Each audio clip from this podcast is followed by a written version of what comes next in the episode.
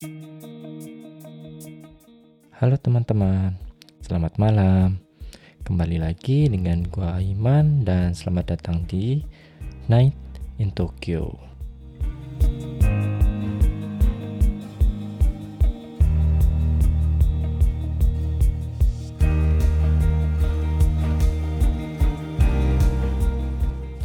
Halo teman-teman, kembali lagi dengan gua Iman di Night in Tokyo.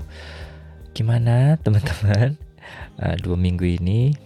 Semoga kalian seperti biasa tetap sehat, kerjaannya juga tetap lancar, terus ya tetap bahagia, tetap senang-senang aja, tetap semangat meskipun uh, kondisi masih kayak gini. Jadi gimana teman-teman di Indonesia? Apakah dengan adanya uh, vaksin itu udah terlihat dampaknya? udah semakin membaik atau enggak gitu. Yang jelas ya kayaknya uh, dua bulan eh dua minggu lalu gue udah cerita deh.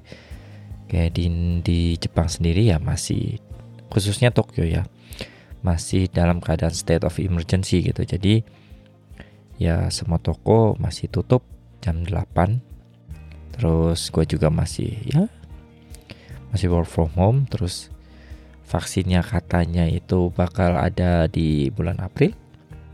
Meskipun ya gue dengar-dengar dari beberapa teman Indonesia dan lain-lain kayak kenapa sih di Jepang lama banget vaksinnya? Ya nggak tau lah. Tapi ya gue percaya dengan apa pun yang direncanakan oleh pemerintah Jepang. Jadi ya kita berdoa aja dan yang penting kita tetap semangat dan jaga kesehatan dan tetap mematuhi protokol kesehatan juga teman-teman. Oke, uh, untuk episode kali ini teman-teman, gue pengen bercerita sih lebih tepatnya dari pengalaman gue dan lain-lain.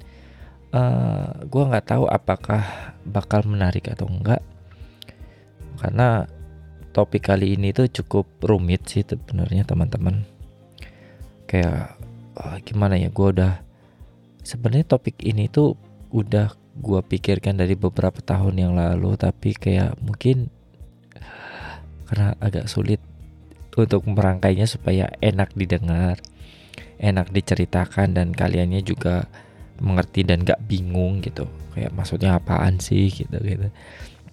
Ya pokoknya kayak gitu. Pokoknya ya semoga hmm, kalian bisa enjoy dengerinnya meskipun ya agak-agak bingung-bingung dikit gitu. Jadi uh, buat episode kali ini teman-teman gue pengen bercerita tentang bagaimana Jepang itu sebagai negara dengan dunianya sendiri. Ayo, gimana tuh ceritanya?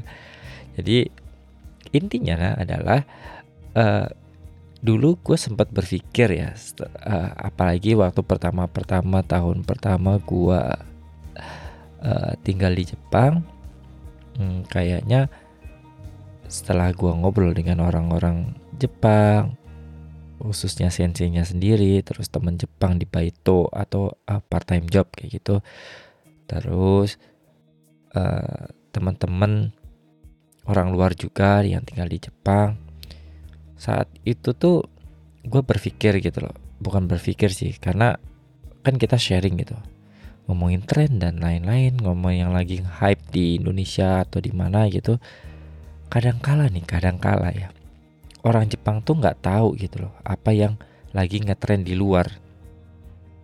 Gue sih nggak bilang sekarang kan karena sekarang kan karena internet udah sangat booming YouTube dan lain-lain banyak banget uh, YouTube orang luar masuk ke Jepang dan lain kayak gitu. Tapi waktu itu tuh uh, ya kayak gitu teman-teman. Orang-orang luar yang gue ajak ngobrol kita ngobrol itu kayak kadang uh, ngerti uh, trennya tapi orang Jepang sendiri kayak lost gitu loh. Kayak gitu. Nggak semuanya sih tapi apalagi orang Jepang yang memang ada interest dengan budaya luar kayak gitu biasanya tahu. Tapi mostly kayak mereka nggak nangkep gitu loh. Kenapa? Ya menurut gue karena Jepang sendiri punya trennya sendiri sebenarnya sih di Jepang di negaranya. Jadi nggak terlalu terinfluence dengan uh, negara yang lain. Kayak Indonesia kan udah sangat ke barat-baratan sih menurut gue lo ya uh, kayak apa pun yang hype di Amerika atau di Eropa di Indonesia ikutan hype kayak gitu. Nah kalau di Jepang nggak selamanya bisa pakai bisa uh, nggak selamanya bakal kayak gitu teman-teman. Jadi uh, bahkan sesuatu yang ngetren di Jepang biasanya di tempat lain juga nggak ngetren gitu. Jadi tahu kan logikanya maksudnya kayak mereka tuh kayak punya kehidupan sendiri dunia sendiri gitu loh. Yang nggak eh, nggak uh, nyambung dengan negara yang lain gitu. Gua nggak tahu sih kalau Korea atau China seperti apa. Mungkin teman-teman yang pernah tinggal di sana bisa apa komen-komen berbagi ceritanya eh berbagi cerita gimana tinggal di sana nah kayak gitu. Nah uh, dari situ gue jadi berpikir gitu karena gue juga banyak lihat YouTube orang lihat informasi news di Jepang gitu. Mungkin kalian pernah dengar gitu. Entah ini ada hubungannya atau enggak gitu loh. Jadi uh, kalian mungkin pernah dengar kalau Jepang itu uh, adalah negara yang homogeneous society. Uh, benar atau enggak mungkin uh, correct me if I'm wrong gitu kan pokoknya uh, artinya adalah negara yang memiliki penduduk atau memiliki sosi apa ya masyarakat orang-orang yang cuma orang Jepang doang atau satu satu jenis doang gitu loh. Contohnya kalau di Jepang kan cuma ada orang Jepang doang gitu. Nah dulu itu memang jarang banget ada orang pendatang dan lain meskipun ya ya ada aja gitu loh. Tapi eh, ketidakberagaman inilah yang membentuk kayak negara Jepang itu menjadi kayak memiliki dunianya sendiri gitu loh teman-teman kayak gitu itu uh, entah itu nyambung atau enggak mungkin itu ada hubungannya gitu loh uh, kalau kalian tahu kayak misalkan di Amerika kan banyak orang yang dari Eropa datang, dari Afrika, dari Asia, semuanya ngumpul gitu kan di Amerika. Jadi nah, banyak budaya yang tercampur gitu loh. Jadi orang jadi kenal gitu oh budaya kayak gini tuh kayak gini kayak gitu kayak gini gitu jadi orangnya macam-macam di Eropa pun mungkin kayak gitu juga gitu loh bahkan di Indonesia meskipun orang asingnya masih sedikit at least kan kita macam-macam gitu loh sukunya dengan budaya yang macam-macam juga gitu loh uh, kayak gitu nah di Jepang sendiri jadi ya mostly ya orang Jepang sendiri dengan uh, apa budaya yang sama, bahasa yang sama, kebiasaannya sama. Jadi ya kemungkinan untuk uh, ada sesuatu yang berbeda itu dikit gitu loh dulu. Apalagi uh, awal-awal tahun gue datang ke Jepang gitu loh. Kayak gitu teman-teman. Meskipun cuma berbeda beberapa bu, uh, beberapa tahun dari sekarang, gue gue merasa sekarang itu udah jauh lebih berubah karena mungkin karena ada internet juga kali ya ada internet terus youtuber dari luar pun ada yang nge-youtube di Jepang dan lain-lain kayak ada orang luar yang tinggal di Jepang sharing dengan pengalaman eh sharing pengalamannya dia tinggal di Jepang budaya gimana ya kayak gitulah pokoknya. Nah uh, dari situ kayak Jepang itu gimana ya? Ya gitu teman-teman. Jadi ada beberapa hal yang uh, cuma mereka sendiri yang ngerti uh, yang mereka yang ngerti cuma orang Jepang yang paham cuma orang Jepang. Dan ya yang yang melakukan kayak orang Jepang gitu loh. Nggak cuma kayak gitu doang kayak ada hal-hal benda dan lain-lain gitu loh. Terus uh, kalau kita ngomongin sejarah juga gitu loh teman-teman. Uh, karena menurut gue ya sejarah itu sejarah sebuah negara itu sangat berpengaruh dengan kondisi yang ada sekarang gitu loh teman-teman. Kayak sejarah tuh kayak ada hubungannya gitu loh. Kayak misalkan nih di Indonesia kalian ngerasa nggak sih kayak uh, apa sih kita tuh cukup terkotak-kotakan? Gak ngerti gue nggak ngerti apakah kalian merasa gitu atau enggak tapi menurut gue gue sangat merasakan itu gitu loh. Ya memang karena penduduknya beragam orang-orangnya juga banyak ya itu emang challenge juga gitu loh. Tapi gue nggak tahu kalian merasa atau enggak gue sangat merasa kalau Indonesia tuh cukup terkotak-kotakan sih sebenarnya teman-teman. Ya kalau dilihat dari sejarah nih karena kita ngomongin sejarah ya kita nggak bisa dipungkiri juga. Waktu kita masih dijajah oleh VOC atau Serikat Dagang dari Belanda itu memang dari VOC-nya sendiri kita udah di kota-kotakan misalkan pendatang tuh kayak gini orang India tuh di sini gitu-gitu. Terus yang apa suku asli Indonesia tuh kayak gini-gini. Kayak mereka mereka tuh udah mengkotak-kotakan mungkin karena supaya gampang diatur dan lain-lain kayak gitu kan teman-teman. Tapi ya apa pun itu menurut gue itu sangat sangat uh, mempengaruhi terhadap kondisi negara kita sekarang gitu loh. Percaya atau enggak? Atau uh, apa sih namanya? Kalian sadar atau enggak gitu loh. Nah kalau negara Jepang sendiri mungkin kalian tahu apalagi yang sangat sangat uh, suka dengan sejarah Jepang atau sangat tahu. Gue sendiri bukan expert sejarah ya, tapi gue pernah tahu dan pernah baca juga. Jadi di tahun 1630-an, jadi itu periode apa gue juga nggak tahu. jadi saat itu itu Jepang pemerintahannya dipegang oleh shogun. Jadi shogun itu apa? shogun itu adalah samurai tapi yang petingginya lah.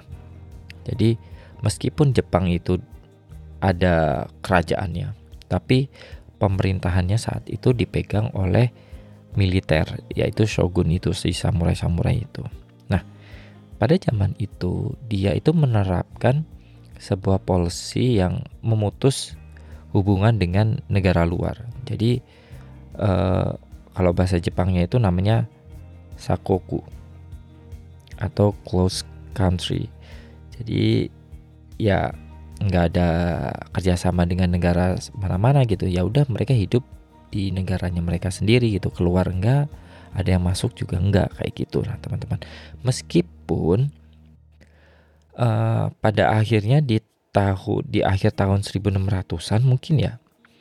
Jadi uh, oh enggak, bukan 1600-an 1800-an teman-teman wow lama juga ya kayak hampir 200 tahun lebih uh, Amerika itu datang dengan kapal-kapal yang uh, kapal-kapal yang besar lah ceritanya. Di tahun 1800-an itu yang memaksa orang Jepang atau pemerintah Jepang tuh akhirnya membuka diri terhadap hubungan eh, hubungan di luar atau negara luar gitu. Ya siapa yang gak takut dengan kapal-kapal besar kayak gitu ya akhirnya sejak itu Jepang udah nggak tertutup lagi teman-teman. Kayak gitu intinya kayak gitu. Tapi uh, bisa bayangin nggak secara itu kan 200 tahun itu kan bukan bukan masa yang pendek gitu loh. Bisa jadi itu pun cukup berpengaruh terhadap kondisi Jepang yang sekarang juga gitu loh. Kenapa?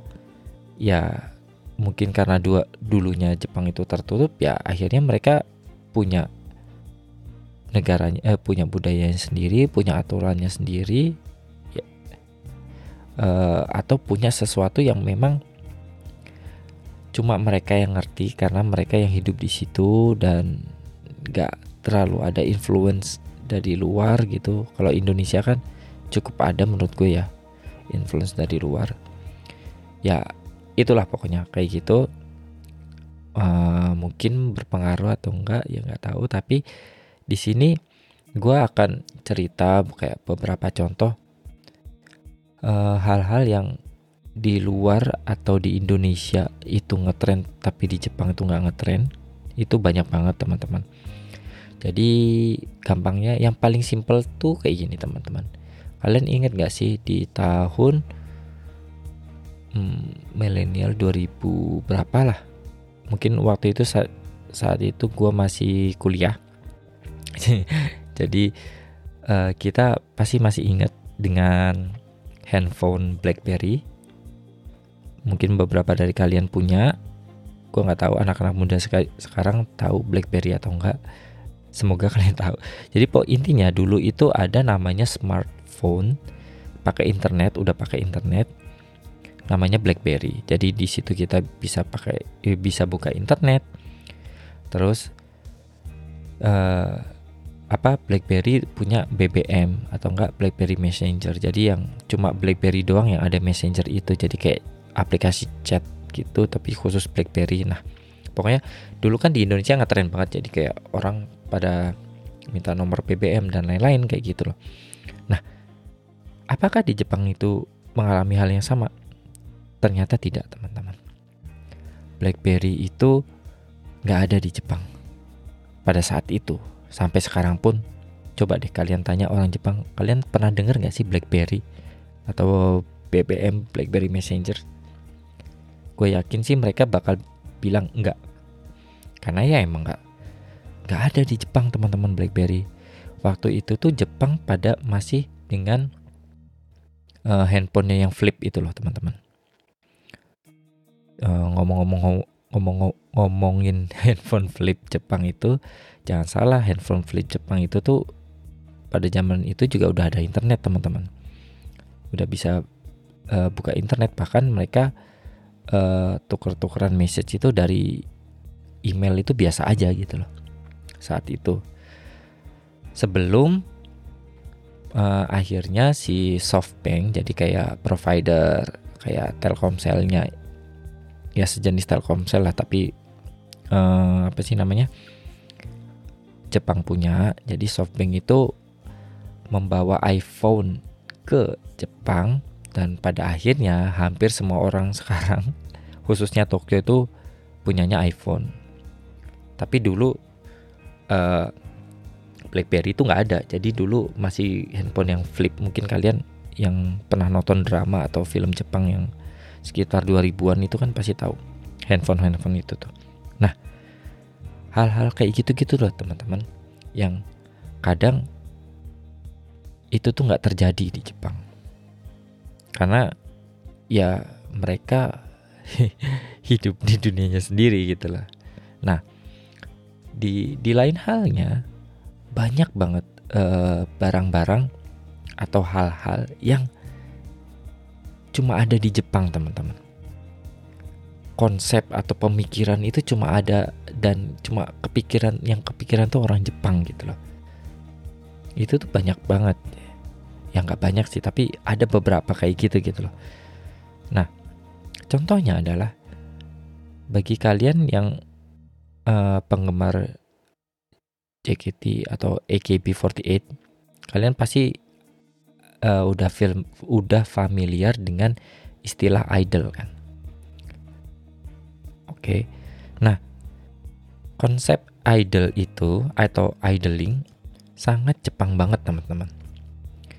Ya memang uh, yang ke, yang menemukan konsep itu kan orang Jepang gitu loh. Tapi selain di Jepang itu konsep itu tuh nggak ada.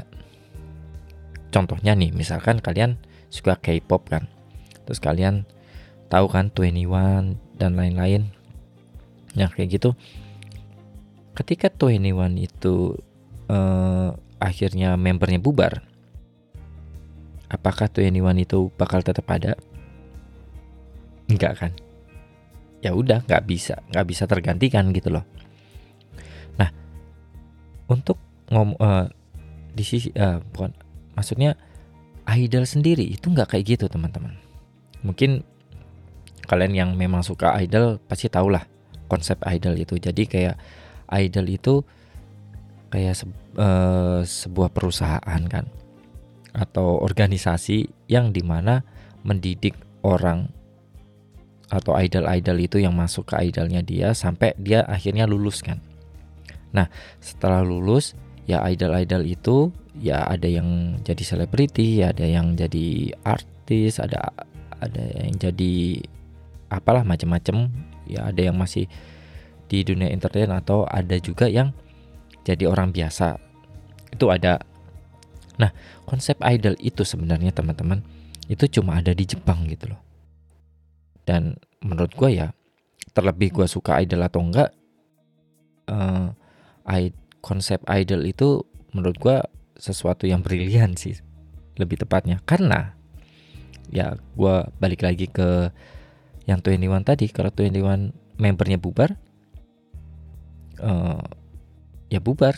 Nama itu nggak bisa dipakai lagi gitu. Nah kalau konsep idol itu teman-teman kayak EKB gitu ya khususnya ke EKB ya maksudnya khususnya EKB itu ketika orang itu masuk uh, dan lulus nama EKB itu akan tetap ada gitu loh.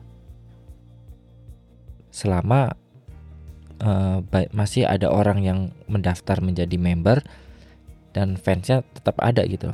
Dan itu akan berputar-putar terus dan bayangkan gimana ceritanya lo kepikiran membuat sebuah konsep band yang eternity gitu lah yang nggak bakal mati. Kayak gitu. Nah hal-hal yang kayak gitu tuh teman-teman banyak banget di Jepang yang apa sih namanya yang ya cuma orang Jepang doang yang kepikiran gitu. Karena pola pikir pola pikir orang Jepang itu unik teman-teman. Kalau kalian pernah tahu uh, gue sih pernah pernah baca. Jadi kalau perusahaan dari luar itu pengen ekspansi marketnya ke Jepang itu udah sangat dipastikan nggak bisa berjalan sendiri. Ini bukan konsultan ya teman-teman. Kalau konsultan lain ya. Jadi kebanyakan mereka itu datang ke Jepang itu ke datang ke Jepang menggandeng perusahaan Jepang untuk yaitu memasarkan pasarnya mereka gitu loh. Misalkan Seven Eleven itu kan uh, kayaknya orang Jepang yang bawa atau apa nggak tahu. Pokoknya kalau Seven Eleven di Jepang itu uh, ada nama perusahaannya tuh Seven and I. Seven Eleven-nya itu perusahaan Jepang, I-nya tuh kayak perusahaan eh Seven Eleven-nya tuh perusahaan Amerika, I-nya tuh perusahaan Jepang. Kayak gitu. Nah, terus kayak Yahoo. Yahoo di Jepang itu jangan kalian berpikir sama dengan Yahoo yang Amerika punya, teman-teman. Yahoo-nya di Jepang itu Yahoo Jepang. Itu kalau nggak salah uh, grupnya SoftBank juga. Bahkan aplikasi Yahoo Jepang itu teman-teman uh, email Yahoo gua itu nggak bisa dipakai di situ teman-teman. Jadi harus beneran email Yahoo Jepang. Terus uh, gua sendiri do mau download yang Yahoo aplikasi Yahoo luar itu pun juga nggak bisa. Karena uh, market apa sih appsnya app store-nya itu kan Jepang jadi nggak ada gitu. Terus giliran gue pengen masukin dengan apps Yahoo Jepang emailnya juga nggak bisa dipakai. Jadi ya meskipun gue tetap tetap masih bisa masukin lewat itu kan apa native emailnya iPhone itu. Nah kayak gitu-gitu loh teman-teman. Jadi uh, banyak hal-hal yang uh, tren di luar nggak ngetren di Jepang. Tren di Jepang tapi nggak ngetren di luar. Kayak gitu. Bahkan uh, banyak kalau akhir-akhir ini nih misalkan kalian itu uh, populer dengan aplikasi yang namanya Clubhouse. Apakah kalian pikir itu ngehit juga di Jepang? Enggak juga teman-teman. Ada beberapa yang tahu tapi enggak nggak banyak. Kayak di Indonesia kan semuanya wah semuanya hits semuanya berlomba-lomba untuk punya account clubhouse kan. Karena itu invitation doang yang bisa gitu loh. Ya nggak? Nah di Jepang tuh kayaknya biasa-biasa aja tentang clubhouse. Nggak yang segitunya. Terus uh, kalian pasti beberapa bulan lalu lagi heboh-hebohnya pada main Among Us. Ya kan? Di Jepang itu nggak ngetren juga Among Us. Ya ada beberapa yang main juga tapi nggak yang seheboh kita gitu. Nggak yang seheboh di luar juga gitu. Uh, mungkin kendala bahasa juga karena Among Us nggak ada yang bahasa Jepangnya kan. Nah uh, tapi ada juga kok beberapa yang main tapi ya nggak nggak yang tren itu gitu loh. Nah kayak gitu teman-teman. Uh, contoh lain misalkan kalian pasti pernah tahu kan kayak iklan di Jepang tuh aneh. Ya nggak? Pernah lihat kan iklan-iklan Jepang kayak kok bisa sih kayak gitu iklannya nah kayak gitu-gitu. Nah kadang-kadang hal-hal kayak gitu tuh cuma orang Jepang yang paham teman-teman. Gua sendiri juga udah lam, uh, udah tinggal lama di Jepang pun nggak paham jalan pikirnya gimana gitu loh. Karena ya itu balik lagi yang seperti gua bilang gitu loh. Jepang itu kadang-kadang punya dunianya sendiri gitu loh.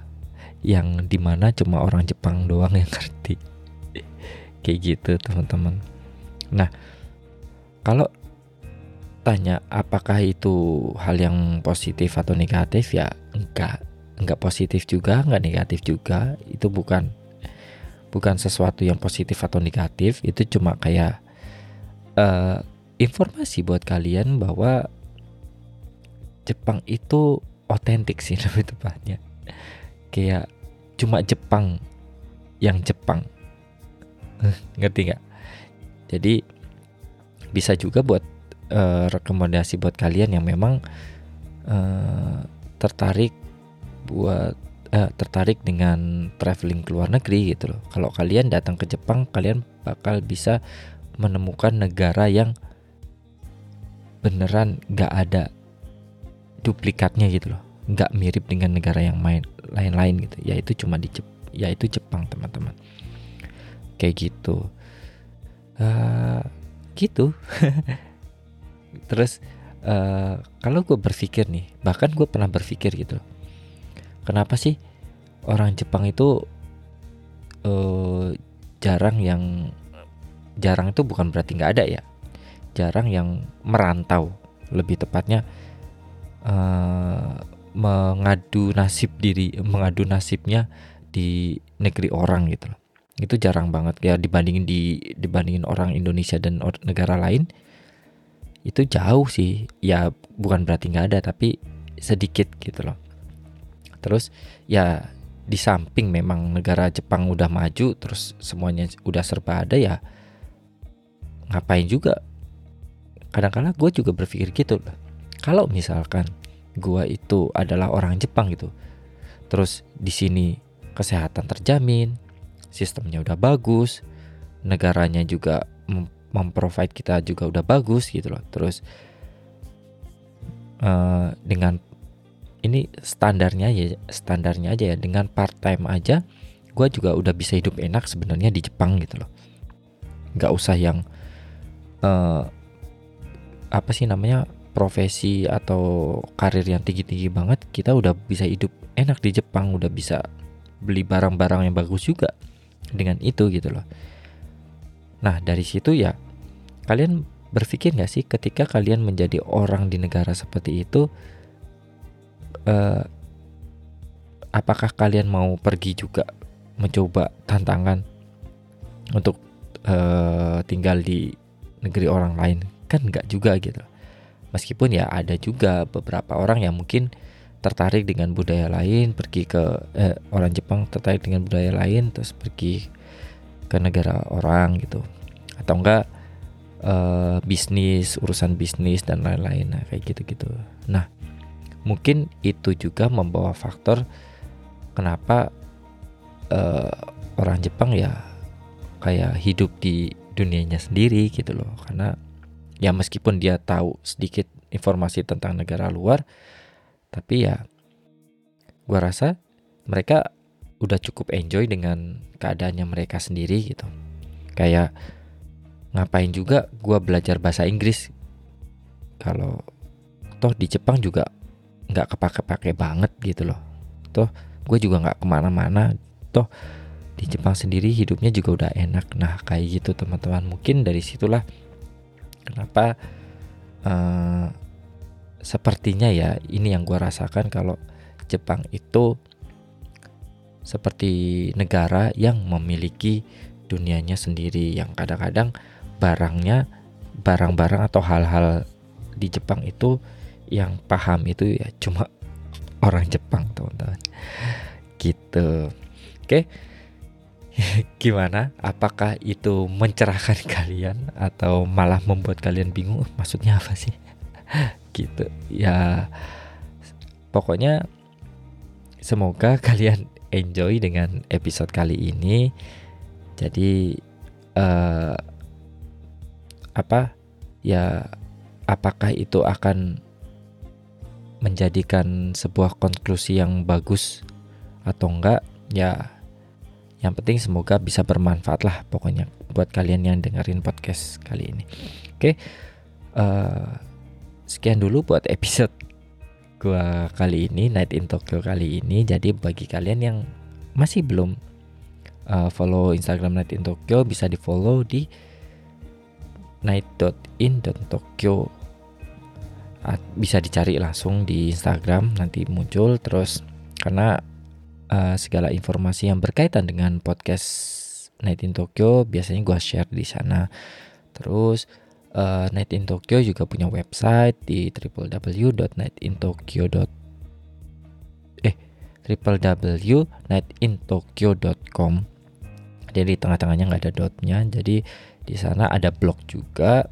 Terus buat kalian yang nggak pakai Spotify dan lain-lain, kalian bisa langsung dengerin podcastnya di website gratis. Jadi uh, silakan kunjungi website in Tokyo di www.nightintokyo.com.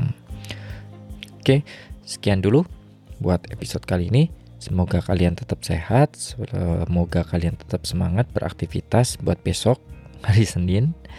Uh, tetap semangat meskipun masih keadaan gak kondusif kayak gini. Jadi uh, sekian dulu buat kali ini. Dan sampai jumpa lagi di episode mendatang di dua minggu lagi. Sampai jumpa lagi. Bye bye.